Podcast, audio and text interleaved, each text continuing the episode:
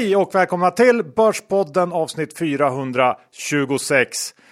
Vi börjar med vår kära huvudsponsor som såklart är Skilling, den svenskägda multi-asset tradingplattformen som fokuserat på säkerhet, snabbhet och enkelhet. Den här veckan så ska vi snacka råvarutrading.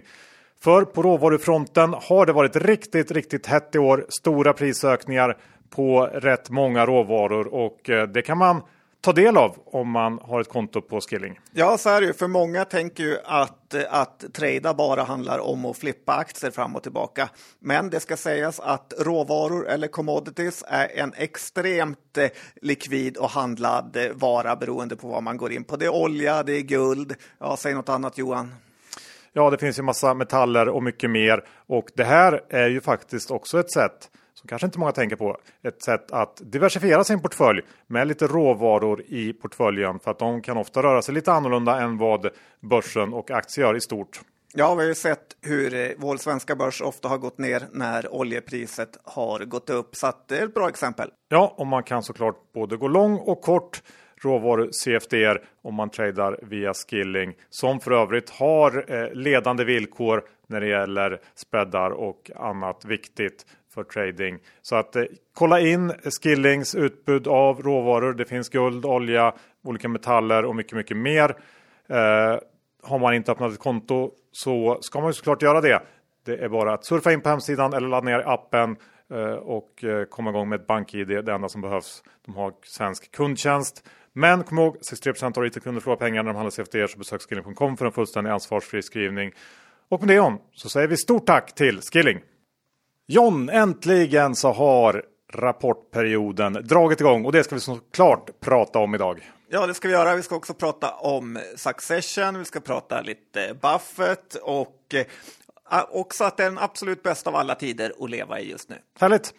Och innan vi kör igång så är vi också sponsrade av Lendify. Ja, det är fantastiskt att eh, ha en eh, portfölj eller del av portföljen hos Lendify som genererar både ränta och amortering varje månad som någon typ av kassaflöde som man sen kan använda till att antingen köpa mer lån eller handla för pengarna eller köpa aktier för pengarna om börsen har sjunkit. Det är bra att inte ha alla ägg i en korg eh, på börsen utan ha lite hos Lendify. Vi har stor del av vår eh, kassa för företaget där och det är vi väldigt nöjda med. Ja, det tickar in pengar där i ur och skur, vilket är skönt.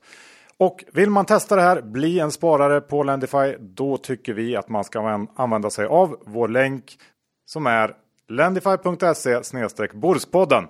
För gör man det, då får man 500 kronor extra insatt på sitt konto om man stoppar in och investerar minst 20 000 kronor.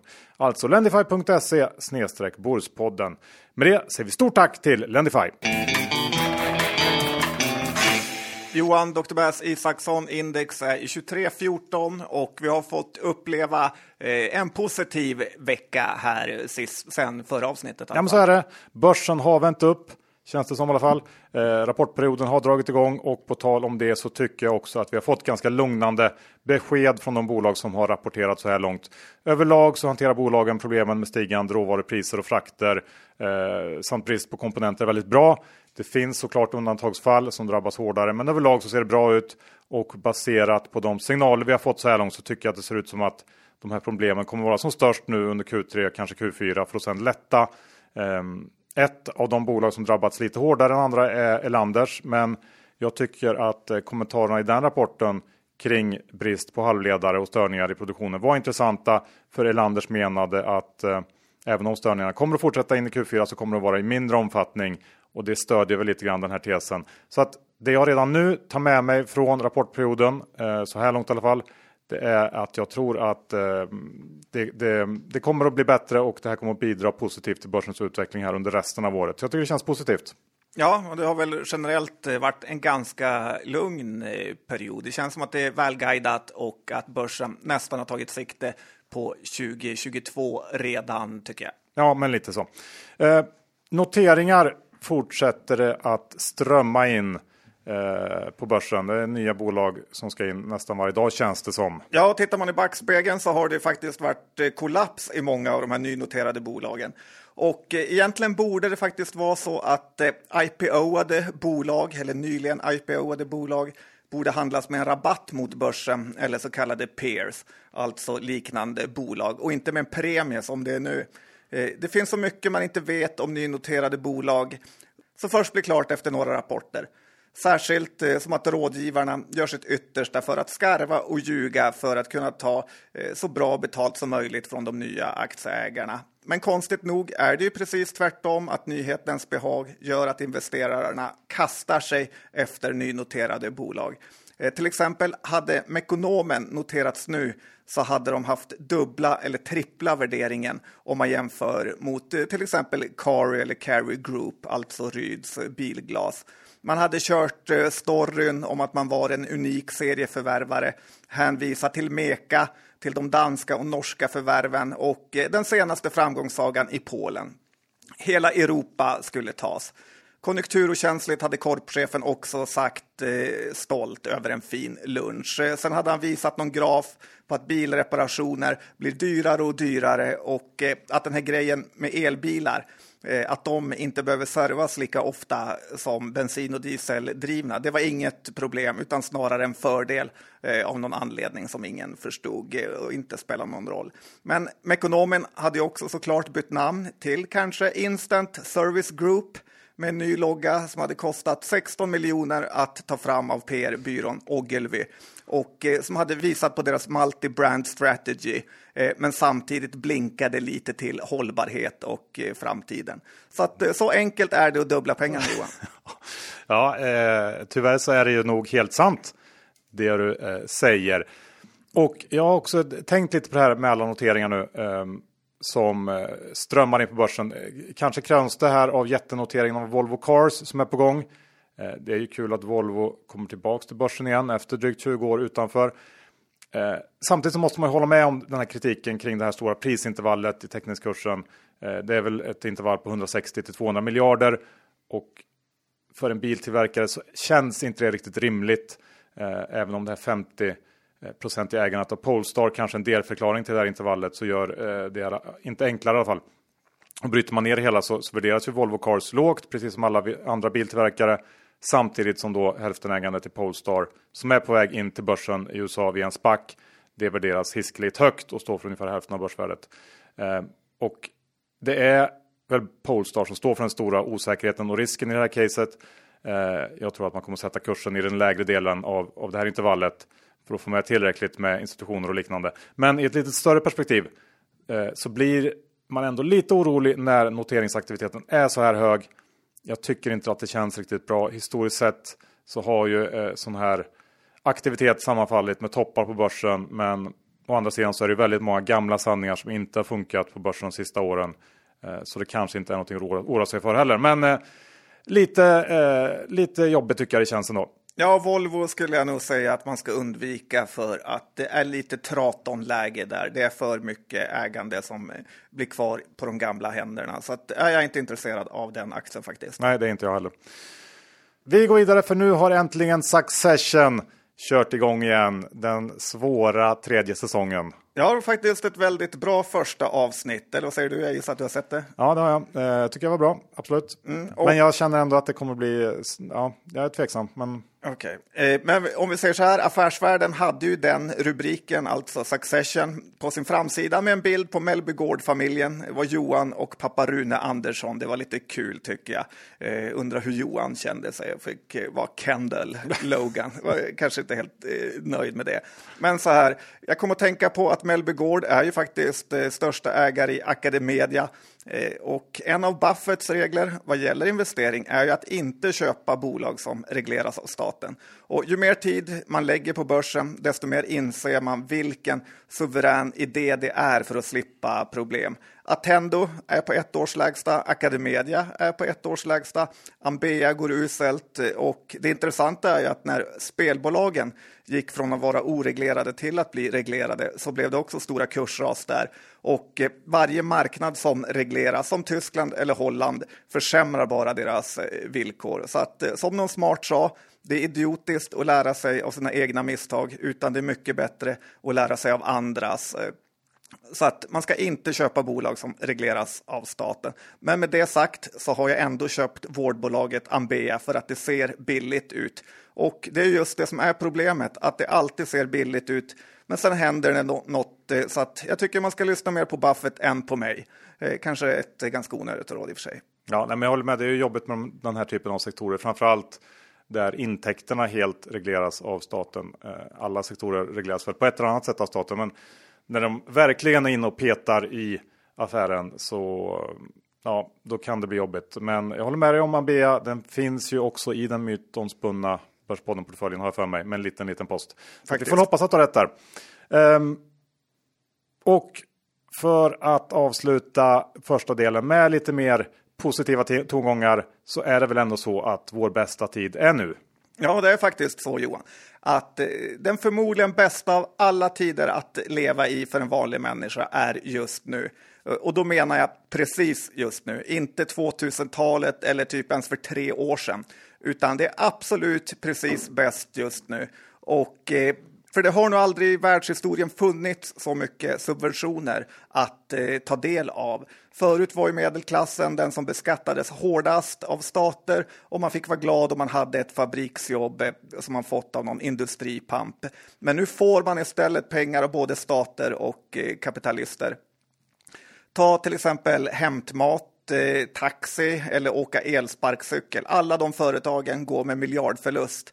Så att varje gång man använder den här tjänsten så tar man i princip pengar från de rika och ger till sig själv. Köper du saker på nätet från Kina så sponsrar kinesiska staten dig eh, med kläder eller elektronik. Både EU eh, och svenska staten pumpar också ut pengar i systemet.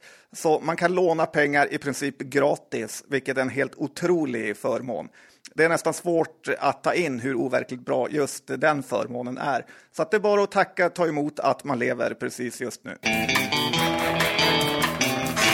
Vi är sponsrade av det lysande fondbolaget Klients kapitalförvaltning. Ja, det tycker vi är kul på Börspodden såklart. Och lite extra kul eftersom Klients faktiskt var vår allra första sponsor. De vet hur man ska hitta talanger, Johan. Ja, så, så är det. Eh, men sedan dess så har det hänt en hel del hos Klients. De förvaltar nu över 30 miljarder och har sju fonder och lanserar inom kort en åttonde fond, Klients Global Småbolag, som vi kunde avslöja i förra veckans avsnitt. Ja, och dessutom så fyller deras svenska småbolagsfond fem år nu i månadsskiftet. Och där får man säga att förvaltaren Carl Sundblad har lyckats ge sina andelsägare en extraordinärt god avkastning. Ja, inte många aktiefonder överträffar index fem år i rad. Det är nästan lite Warren Buffett-varning på det där. Så är det. Och vill ni veta mer om fonden Klients småbolag så ska ni gå in på sajten småbolag.klients.se Eh, där kan ni läsa mer om hur Carl gör för att hitta de här guldkornen på börsen och vilka plattformar man kan köpa fonden på. Ja, gillar man kvalitetsbolag med stark tillväxt så är det helt klart en fond man borde titta närmare på. Eh, vad hette sidan man skulle besöka Johan? smabolag.kliens.se Men glöm inte att historisk avkastning inte är en garanti för framtida avkastning. Pengar som placeras i fonder kan både öka och minska i värde. Det är inte säkert att få tillbaka hela det insatta kapitalet. Stort tack till Kliens kapitalförvaltning. Vi är denna vecka sponsrade av Saver, fondplattformen som skakat om branschen genom att ge tillbaka all fondproduktion till kunderna till skillnad från banker och nätbanker. Och den här tjänsten har funnits i knappt två år och nu har man återbetalat över 10 miljoner kronor till sina kunder i fondprovisioner sedan starten. Och tack vare det här så sparar en snittkund hos Saver 145 000 kronor på 30 år bara genom att äga sina fonder där istället för hos en bank. Det låter ju väldigt enkelt och bra John. Ja, och nu har de ett erbjudande. Saver ger i oktober månad bort 100 kronor till alla nya kunder som använder sig av koden Burspodden när de skapar ett konto på Saver som man kan handla fonder för. Och det går till så här. Gå in på saver.com, alltså S-A-V-R och klicka på bli kund. Ja, och sen är det bara att ange koden Burspodden i kampanjkodsrutan. Det här gäller oktober månad ut och eh, för att ta del av bonusen kan man inte vara eller ha varit kund hos Saver. Eh, så att eh, Se till att ta del av det här erbjudandet. Gå in på saver.com och kom igång. Vi säger stort tack till Saver. Så där John, vi har massor av rapporter att gå igenom idag. Eh, jag tänker att vi börjar med lite stort. Eh, Sandvik tänker jag ta först, om du inte säger emot mig. Nej, men det är lite kul faktiskt. Inledde eh, verkstadsepoken av rapporter. Så är det ju. Sandvik som vanligt först ut i sektorn och Eh, man får säga att det var ett stabilt kvartal som Sandvik presterade. Eh, som väntat så var mining-delen eh, riktigt stark samtidigt som de här problemen inom automotive med komponentbrist och så vidare bromsar utvecklingen inom det som kallas SMM. Eh, men här tycker jag man kommer lite intressanta kommentarer. Eh, sa att efterfrågan stärktes under september och att den sen fortsatt stärkas in i oktober. Eh, och den viktiga orderingången den var marginellt starkare än väntat. Så totalt sett en bra rapport. Jag hade nog ändå trott att marknaden skulle lugnas lite mer av sättet Sandvik eh, klarat av det här kvartalet på. Eh, för under Q3 så har Sandvik eh, i princip fullt ut lyckats kompensera för höjda råvarupriser genom prishöjningar. Nu blev det en liten, liten uppgång på rapportdag. Lite snålt tycker jag. Ehm, jag tycker också att det här känns som ett bra val i sektorn om vi blickar in i 2022 med en, en relativt låg värdering och sen har vi den här avknoppningen av SMT som hägrar i Q2, Q3 någonstans nästa år. Så jag tycker Sandvik ser helt okej ut. Ja, jag tycker att det är positiva tongångar från nästan alla om eh, Sandvik och det är ju ett så kallat värderingsgap eh, mellan Sandvik och Epiroc, Atlas och allt vad de heter. Så att eh, Sandvik är billigast i sektorn. Ja, och det känns som att de, de vet vad de ska göra för att äta igen det där gapet. De gör rätt saker känns det som. Så jag tycker det ser bra ut. Eh, sen har vi Ericsson som vi också snabbt kan beta av. Eh, även här så kommer rapporten in bättre än väntat. Resultatmässigt betydligt bättre. Eh, lite sämre på omsättning. Eh, det beror ju på den här utvecklingen i Kina. Men eh, det positiva var väl att man har klarat av de här utmaningarna under kvartalet. Bra, bruttomarginalen, den var superstark. Eh, sen så dämpades humöret en del av kommentarer kring att supply chain, att det kommer att vara en fortsatt risk in i Q4. Men känslan är att det inte kommer påverka mer än under Q3 och att det inte kommer utgöra något större hot egentligen. Eh, jag tror att marknaden övertolkade budskapet lite och jag, jag tycker också att kommentarer som, som ledningen sa efter rapporten släpptes var, var pekade åt det hållet. Så att, eh, lite överreaktion där tycker jag. Den gick ner ganska mycket. Eh, känns också helt okej, okay, Ericsson. Ja, det tycker jag också. Fortsatte ner idag. Eh, jag har köpt lite aktier. Eh, också lite konfundersam om det här svenska semihandelskriget mot Kina som vi verkar ha själv. Både H&M och Ericsson drabbas ju av det. Huawei är det ju för Ericsson om det verkligen ska eh, leda till något. Men vi får se, hoppas att de andra länderna hellre väljer svenska grejer eftersom vi är de enda som står upp mot Kina. Ja, men det tror jag faktiskt skulle kunna visa sig vara sant vad det lider. Sen John, eh, kan vi väl ta upp eh, Scandic och eh, systerbolaget Pandox. Eh, vi var inne på Scandic förra veckan. Jag spanade mycket riktigt att det var full fart hos Scandic och det var det, för de kom med en omvänd vinstvarning. Ja, det var frukosten i Linköping som vägde över. Exakt. sålde fruktansvärt eh, bra där. Men den här omvända vinstvarningen var ju som sagt inte helt oväntad med tanke på återöppningen. Men Scandic är ju en väldigt svajig aktie. Upp massor, på vinst och den omvända vinstvarningen och sen ner eh, efter. Och jag tycker det nästan är för svajig för att ha i en portfölj. Eh, men vill man betta på att hotellsektorn kommer tillbaka utan att ta Scandic-risken eh, eller volatiliteten i den aktien så tycker jag att fastighetsbolaget Pandox är ett bra case som äger eh, väldigt många fastigheter till hotell, bland annat eh, Scandic. Då. Pandox-aktien handlades i över 200 innan krisen och eh, gjorde en stor riktad nyemission på flera miljarder just innan corona eh, slog till på 187 kronor. Nu står aktien i 150. Tittar man på andra fastighetsbolag så har de gått långt över kurserna som var innan corona, så att Pandox känns som ett bra case faktiskt. Bolaget eh, har ett börsvärde på 27 miljarder, så att det här är ju lite det perfekta budbolaget för något eh, större fastighetsbolag som vill in i hotellsektorn hyfsat billigt. Och det är också i samma storlek som Nyfosa som det konstant eh, snackas om ska köpas upp. Så att eh, på 150 kronor borde Pandox eh, nedsida vara ganska, ganska begränsad och ett hyfsat köp tycker jag. Ja, men man ska väl ändå ha en, en ganska rejäl tro på återöppningen och att att eh, framförallt då Scandic eh, hittar lite andra vägar också för att hyra ut sina rum. Det är ju fortfarande en bra bit kvar till, till eh, normala nivåer när det gäller beläggningsnivåer och så vidare. Ja, så är det ju. Eh, det är därför aktien handlas 150 med här, antar jag. Så att, eh, alla andra fastighetsbolag känns ju överhypade. Här är ett som inte har det, men det kommer ju med viss risk såklart. Mm. Sen får vi väl också kommentera utvecklingen i IAR eh, lite grann. Ja, faktiskt. Vdn fick ju sparken där och aktiekursen drog iväg. Och här gäller det att fundera lite och väga kortsiktigt mot långsiktigt. För vdn fick ju inte kicken för att det gått så bra, utan förmodligen för att det är usla till katastrofsiffror som kommer presenteras i Q3 här. Styrelsen såg nog ingen förbättring och då fick vdn foten och en dålig rapport är ju såklart dåligt för aktien. Så då kanske man ska sälja. Å andra sidan har vi ju lex MSAB att börsen tänker längre än ett kvartal och värderar upp bolaget direkt trots att det är ganska självklart att det kommer komma några så kallade omställningsrapporter, eh, vilket såklart också kan vara rätt, men det är lite mer riskabelt. Men det känns faktiskt också som det rimligaste med tanke på vad IAR har presterat eh, förut. Så här får man gå på magkänsla och min säger mig att man nog inte ska panikera ut sina aktier här utan snarare börja ackumulera. Ja, jag menar också att det, det, här är ingenting som kommer som en blixt från klar himmel. Det fanns ju en anledning till att vi tog upp det förra veckan. Eh, det här bolaget har ju underpresterat länge så att en eller ett par, tre rapporter till som inte är bra. Jag vet inte hur stor skillnad det gör. Det viktiga är ju att det händer någonting och det verkar du göra nu så att jag, jag håller med dig där. I morse kom Husqvarna med rapport.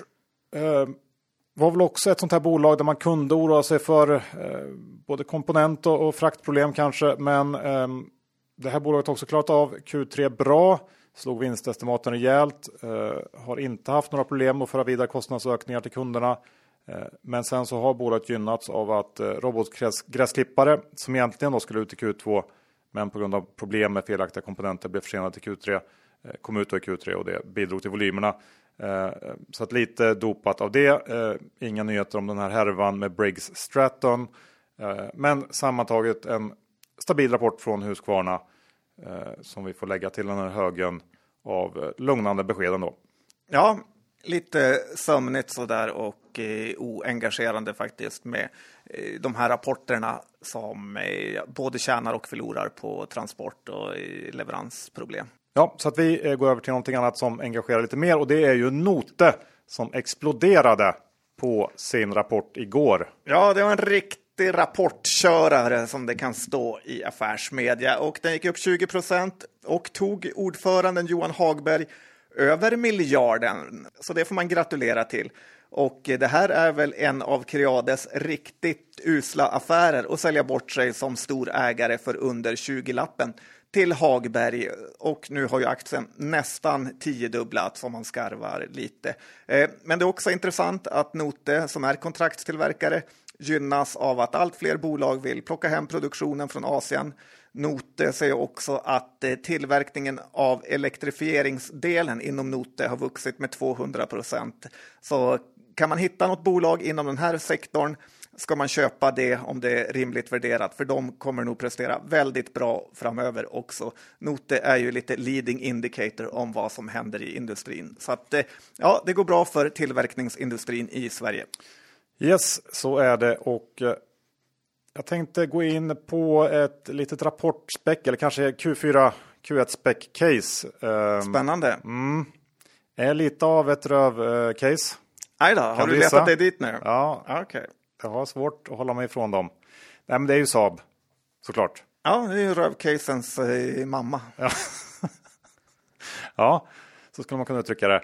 Eh, och det känns såklart svajigt att köpa innan rapporten med tanke på då komponentbrist och annat och att Saab har gjort en besviken om man säger så på den fronten för. Men samtidigt så går vi in i Saabs starkaste period ordermässigt. Eh, jag tror också att Saab är ett lite större perspektiv på väg in i en, en skördeperiod efter att ha gått igenom en lång period av tunga investeringar.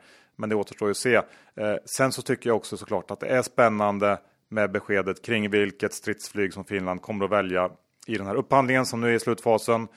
Beskedet ska komma i slutet av året och eh, de senaste åren så har det svensk-finska försvarssamarbetet faktiskt fördjupats.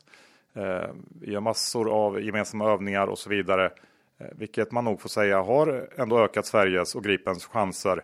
Eh, förra veckan såg jag också att Saab gick ut med att man utökar forsknings och utvecklingsverksamheten i Finland med 30 till 50 personer. Eh, kanske inte behöver betyda någonting alls, men ja, ett litet sån där liten signal. Eh, så det här kombinerat med att aktien fortfarande harvar kring 250 gör att jag då har gett mig på det här rövcaset igen. Ja, jag har tagit lite rygg på det där faktiskt. det som talar emot... Jag vill inte höra att du varit FN-soldat, ingenting om Kobra-manövrar. Eh, och ja, dina eh, kunskaper om stridsflygplan tror jag begränsar sig till att ha sett Top Gun eh, slutet 80-talet på någon VS i Umeå. Du, du vet att jag har suttit i en Apache-helikopter Johan. Eh, men så här, det som talar emot Saab är ju eh, det vi sa tidigare, att eh, intäkterna regleras mycket från eh, staten. Så att det har nästan så att man inte tänker att man ska lägga tid på Saab längre för att de har underpresterat. Samtidigt är det något lockande med eh, aktier och stockpicking att hitta ett eh, just sånt här läge då bolaget är uträknat men lyckas vända. Så att jag har också köpt lite eh, Saab-aktier, eh, mycket beroende på min bakgrundskunskap såklart. ja, det är klart. Jo, eh, det känns tryggt. Ska vi eh, byta bransch helt får man ju säga om man ska prata om Nelly, för där är det inga stridsflygplan. Nej, det är det inte. Det är mer jordfräsa rakt ner i backen. Nelly rapporterade idag och följer ju faktiskt i spåret av många andra e-handlare som tappat eh, stort eh, sista tiden. Aktien gick ner 15 procent idag och eh, det som sticker ut är ju att returgraden är 37 procent, alltså nästan 40 procent av allt det som Nelly skickar ut kommer tillbaka. Eh, och då gör man ju något fel. Eh, jag tror det största faktiskt är att de har fel typ av kunder. Det är unga tjejer som använder Nelly som någon typ av provrum. Jag skulle inte bli förvånad om de till och med använder kläderna en gång för att gå på fest eller något och sen skickar de tillbaka dem eh, som någon typ av bibliotek. För det är något som är mysko med en sån här returgrad. Bolagsvärdet är på 600 miljoner och då kan man inte förlora så här mycket pengar varje kvartal. Eh, sen tänker jag också att vi ska ta en titt på H&M här eh, som fick en sänkt rek idag av Mary Lynch. Och jag tycker det har uppstått två läger. Det är svenska analytiker som höjer sina rekar efter rapporten och de utländska som sänker sina. Eh, jag tror, och har gjort det själv, att man ska ta rygg på de svenska som eh, har betydligt närmare kontakt med bolaget och eh, en stor del, vad jag förstått, av att de utländska analytikerna sänker sina rekar eh, är för att de tycker inte att H&M har nått upp till 2019 års försäljning vilket är väldigt viktigt inom bolagsanalys nu, att man jämför 2021 med 2019. Men grejen är, bryter man ut Kina ur det här så visar faktiskt H&M tillväxt mot 2019. Så att jag tycker man ska passa på i den här kurssvackan. Eh, att, och jag köper mycket hellre H&M än Nelly. Ja, men där håller jag med dig. Eh, vi byter sektor igen, snabba ryck, kast, ja. kors och tvärs. Ja, det är så det ska vara en börspodd. Mm. Två eh. killar som kan det mesta. Byggmax gillar vad han ju att prata om. Ja, faktiskt. Det är ju också en sån här aktie man vill syna helt rätt. Att det är nästan som en sport. Man hatar eller älskar den. Ja. ja. Eh, men Byggmax har också rapporterat, kom med eh, ännu en stark rapport får man säga. Men styrkan börjar ändå avta. Eh, Tittar vi på den här jämförbara omsättningen i konstant valuta så steg den med drygt 2% här i kvartalet. På helåret ligger man på strax under 8 så att det saktar in. Eh, sen ska det sägas att det ändå var en stark utveckling här under Q3 eftersom marknaden i stort minskar med 2-4 eh, Tittar man på skånska byggvaror så tappar den delen faktiskt nästan 15% i Q3. Eh, och jag tror att det kommer bli allt tuffare för Byggmax i stort att prestera här för varje kvartal som går nu. Eh, under nästa år så kommer vi få se negativa siffror, det är jag ganska övertygad om. VD Ankarberg skrev också i vd-ordet att stanna hemma-effekten den avtog under Q3 i takt med att restriktionerna minskar. Och frågan för Byggmax-aktien nu är väl hur stor minskningen blir framöver. En lugnare marknad är såklart inprisad här eh, i aktien som är eh, alldeles för billig om man bara ser till utvecklingen här under 2021. Men det är väldigt svårt att bedöma var marknaden kommer att ligga kommande år. Eh, det håller väl tillbaka aktien. Kanske marknaden för försiktig, kanske inte. Jag hör ju till de som tror att baksmällan blir eh, ganska rejäl och eh, jag avstår den här aktien. Jag tror att dynamiken på nedsidan när det gäller liksom hävstång och lönsamhet och så där kan, kan överraska negativt. Ja, men det känns verkligen som att de nått sin toppen och man vet ju också hur börsen hatar svåra jämförelsetal. Så att det är nästan för svårt att ge sig in och börja köpa Byggmax nu. Det är bättre att avvakta, hoppas att den tappar lite. Ja, jag säger liksom i bästa fall står den still här något år. Ja, ungefär så är min känsla. Eh, vi går över till vind eh, och Eolus vind. Precis, eh, och det här visade sig ju vara precis det vi varnade för och har varnat för hur mycket som helst. Att Eolus Vind inte är ett miljöbolag utan det är ett eh, byggprojektbolag och ska värderas eh, därefter. Det blev ju en liten kurskollaps här i veckan när en kund dragit tillbaka en order på 800 miljoner kronor. Och det tragiska är ju att Evolus Wind ägs av 27 000 personer bara på Avanza, vilket får väl säga är brutalt överägt med tanke på vilket bolag det är.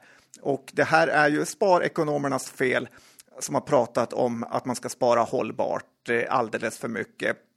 För grejen är nog att tyvärr, de allra flesta som har köpt Evolus Wind av de här 27 000 eh, bara på Avanza ligger back. Eh, men för mig är det i alla fall att spara hållbart. Det är inte samma sak som att kasta bort sina pengar eller köpa övervärderade bolag. Så jag är i alla fall glad att Börspodden gjort sitt absolut yttersta för att varna för det här bolaget. Ja, det eh, kan vi vara stolta över. Kul! Sen har vi Peers som ju är eh, ytterligare ett av de här nynoterade e-handelsbolagen som såklart har vinstvarnat. Eh, Peers säljer ju motorcykelprylar eh, och i Peers fall så var det väl väldigt väntat. Eh, jag tycker inte heller att det var en särskilt brutal vinstvarning. Jag tycker nästan att den här omsättningstillväxten på 10 var, var bättre än vad man hade kunnat eh, befara. Eh, sen så tyngs resultatet av framförallt högre fraktkostnader från Asien. Så det är ner ganska mycket. Eh, Aktiemarknaden hade redan prisat in det här och eh, aktien är mer eller mindre oförändrad tror jag sen, sen den här vinstvarningen förra veckan.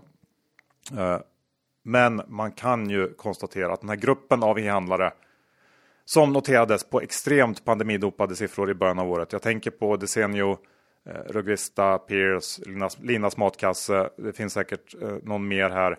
Det här blev inte bra. Här har faktiskt alla korpavdelningar där ute som just nu täljer guld med sina små smörknivar ett ansvar som man faktiskt inte har tagit, John. Nej, men jag tycker att några av dem ska sättas i fängelse med allra gänget för de har lurat eh, småspararna på minst lika mycket pengar.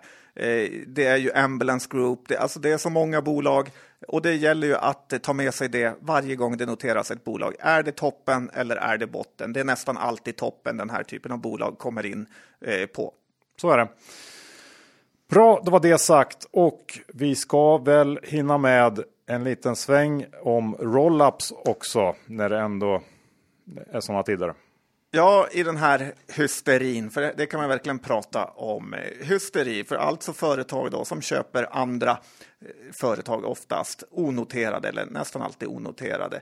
Och jag tycker man måste lugna ner sig och se hur rimligt det här är egentligen. Vestum har ju ett börsvärde nu på 14 miljarder kronor, vilket nästan är omöjligt att ta in när man har gått från 0 till 14 miljarder på ett år. Eh, titta istället på Ratos som är ett eh, bolag, ett klassiskt börsbolag som har ett börsvärde på 17 miljarder kronor men varit börsnoterade sedan 1988. Det är något som inte stämmer här. Frågan är vad. Det kan vara så att Ratos konstant köpt usla bolag på toppen och samtidigt eh, sålt guldäggen, vilket stämmer.